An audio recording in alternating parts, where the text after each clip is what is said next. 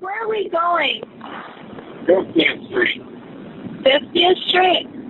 50th Street. East, right? East. Over town.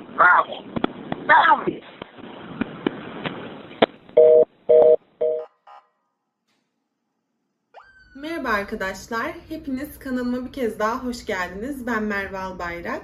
Bugün sizlerle birlikte başlıktan da görmüş olduğunuz üzere son derece garip ve gizemini halen daha korumakta olan sizlerin benden çokça istemiş olduğunuz bir olay hakkında yani Amber Tucarro hakkında konuşacağız. Ama öncesinde uzunca bir aradan sonra stüdyoda olmadığımızda sizlere belirtmek istiyorum.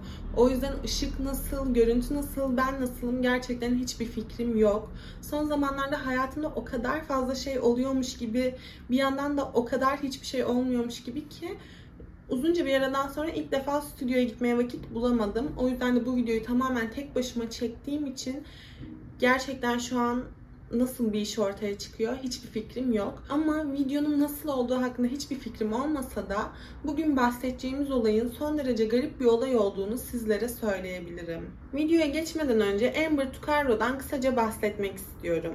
Kendisi 3 Ocak 1990 tarihinde dünyaya geldi ve Alberta, Kanada'da yaşamaktaydı. Daha doğrusu doğduğu zamandan itibaren hep burada yaşamıştı. Yani çocukluğu Alberta, Kanada'da geçmişti.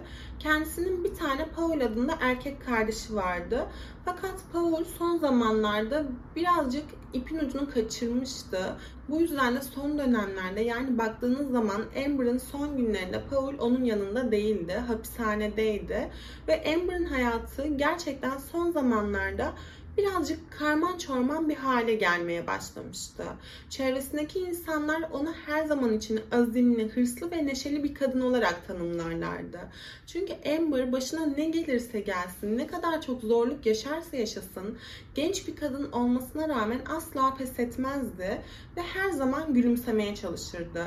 Çünkü bir noktada hayata tutunmak zorundaydı. 2010 senesine geldiğimizde Amber henüz 20 yaşında olmasına rağmen 14 aylık bir bebeği olan bekar bir anneydi. 14 aylık oğlu John'la birlikte Alberta'da yaşamaktaydı. Ve ne yazık ki bu bebeğin babası onların yanında olmayı tercih etmemişti.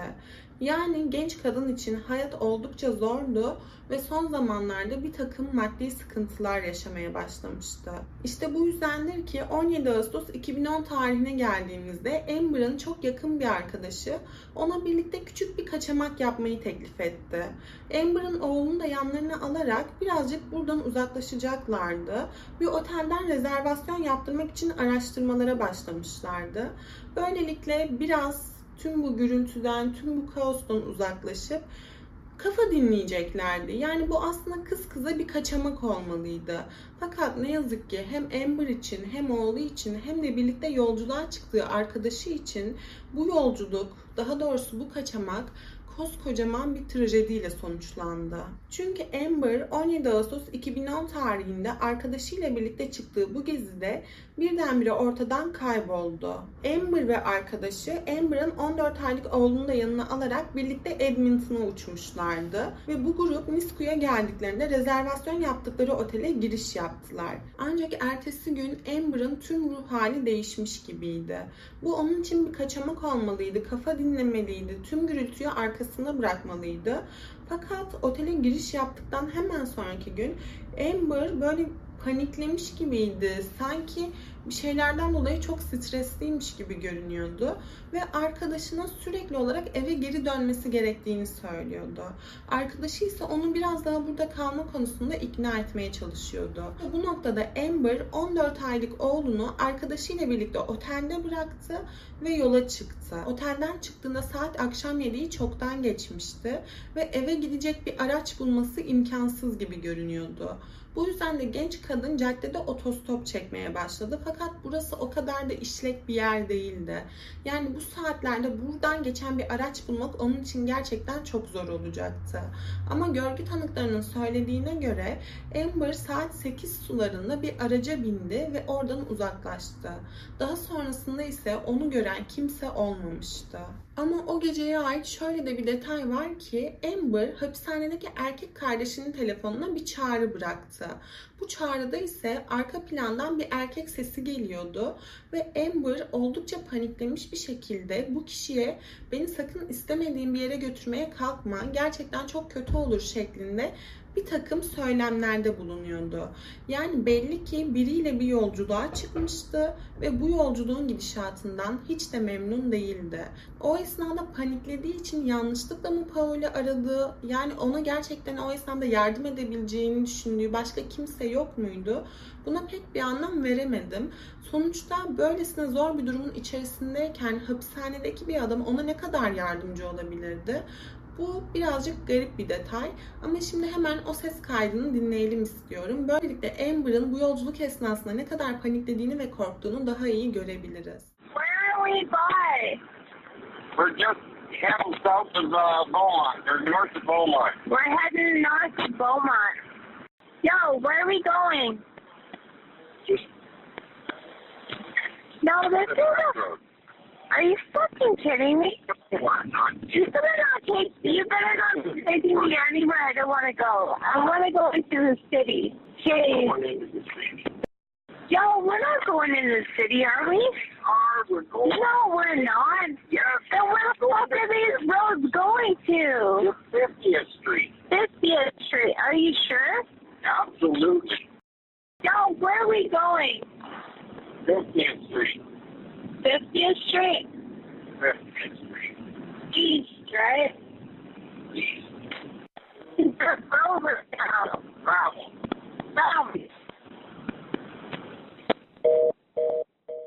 Gördüğünüz üzere yolculuk sırasında arka plandan gelmekte olan bir erkek sesi vardı ve Amber'ın söylediğine göre bu araç Edmonton'a doğru gitmeliydi.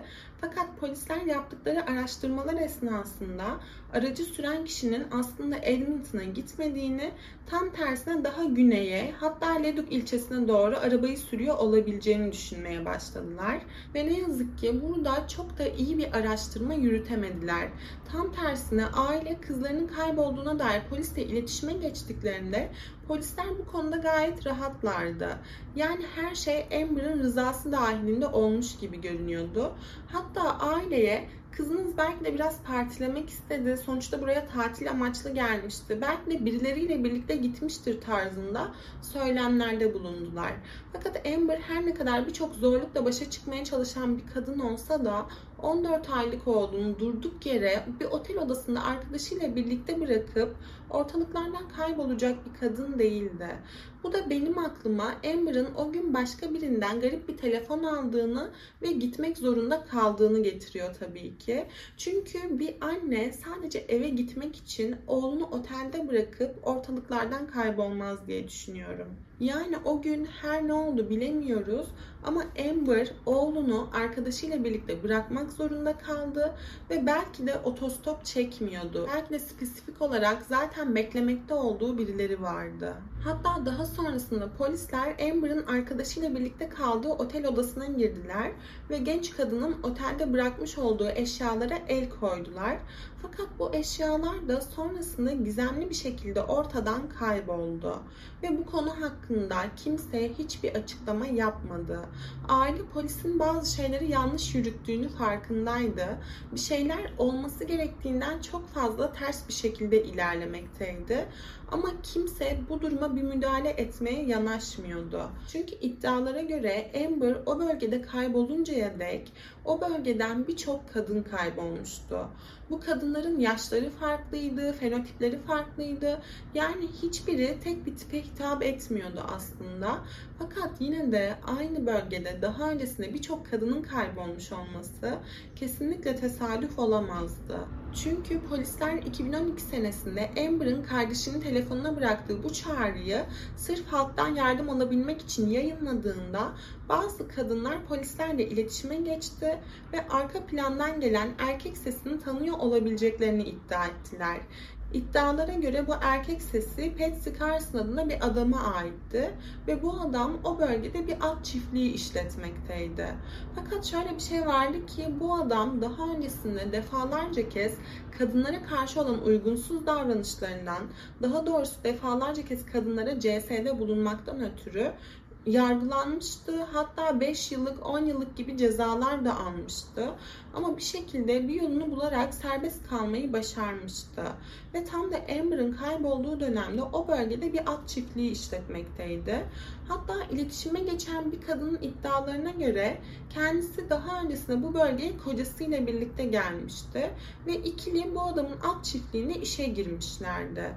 İkili bu adamla internet üzerinden tanışmışlardı. Ve şöyle bir şey vardı ki bu adamla tanıştıkları ilk andan itibaren onda bir gariplik olduğunu sezmişlerdi. Yani adamın bakışlarında bir uyumsuzluk vardı. İkiliye karşı saplantılı bir tavır sergilemeye başlamıştı. Yani bu ikilinin onun sadece çalışanları olması gerekiyordu. Fakat bildiğiniz onlar üzerinden bu çiftlikteki geleceklerine dair planlar yapmaya başlamıştı. Zaten daha sonrasında ikili bölge sakinleri tarafından bu adam hakkında bazı dedikodular duymaya başladılar.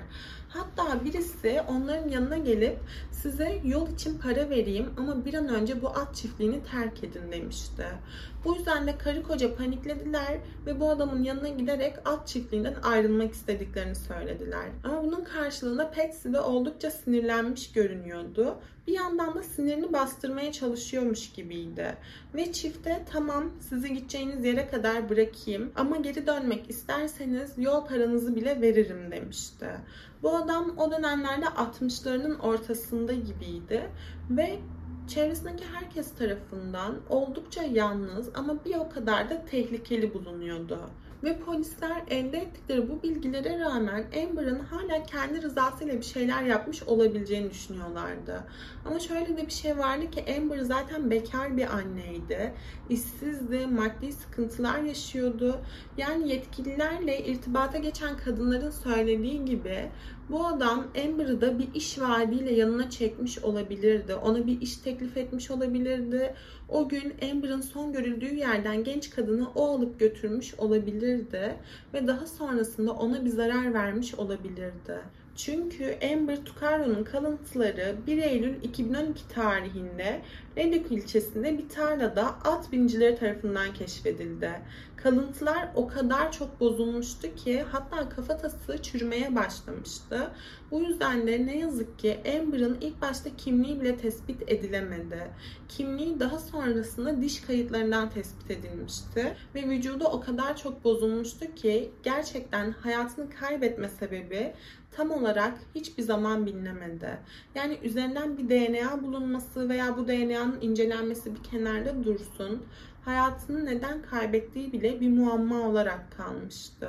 Oysa ki polisler daha öncesinde aileyle iletişime geçmişlerdi ve Amber'ın hayatından dolayı şüphede olmadıklarını, Amber'ın bir şekilde iyi olduğunu, hayatta olduğunu aileye söylemişlerdi. Yani Amber'ın kendi isteğiyle bir yere gittiğinden o kadar emindiler ki belki de emin gibi görünmeye çalışıyorlardı. Fakat bu yüzden genç kadını aramayı bırakmışlardı. Hatta 4 Eylül 2010 tarihinde bir basın açıklaması yaptılar ve Amber'ın herhangi bir tehlikede olmadığına inandıklarını belirttiler. Amber Tucaro'nun kalıntıları 1 Eylül 2012 tarihinde bulunduktan hemen sonra ailesi polisin cinayet soruşturmasıyla ilgili güncellemeleri nadiren paylaştığını söyledi. Polis Amber'ın kardeşi Paul Tucaro'ya Amber'ın ve bilinmeyen bu adamın ses kaydının kamuoyuna ve medyaya yayınlanmadan önce bir yıl beklediklerini bile söylemişti. Polisin tek ihmali bu da değildi. Çünkü daha sonraki süre zarfı içerisinde Amber'ı kayıp kişi olarak listelemekten vazgeçtiler. Ve daha sonrasında Amber'ın cansız vücudu bulunduğunda aileden hiçbir özür dilemediler. Bu davadan sorumlu komiser yardımcısı Zablowski ise raporun 25 Temmuz 2019'da yayınlanmasından 11 ay sonra aileden özür diledi. Fakat tahmin edeceğiniz üzere aile bu özürleri reddetti. Böylelikle Amber ne yazık ki başına gelen bu olay çözülemeden bu dünyadan göçüp gitmişti ve arkasında acılı bir anneyle birlikte 14 aylık oğlu John'u bırakmıştı. Ne yazık ki Amber'ın başına gelenler şu an günümüzde dahi halen daha bilinememekte. O gün Amber ne yaşadı, kiminle birlikteydi, o gizemli adam kimdi ve başına hangi sebeple, neden böyle bir şey gelmişti? Bunlar günümüzde dahi gizemini korumakta. Amber'ın son saniyelerini nasıl geçirdiğini, hangi sebepten ötürü hayatını kaybettiğini dahi bilemiyoruz. Fakat polislerin bu noktada ciddi bir ihmalinin söz konusu olduğunu söyleyebiliriz. Bugünlük Amber Tucaro hakkında bahsedeceklerim buraya kadardı.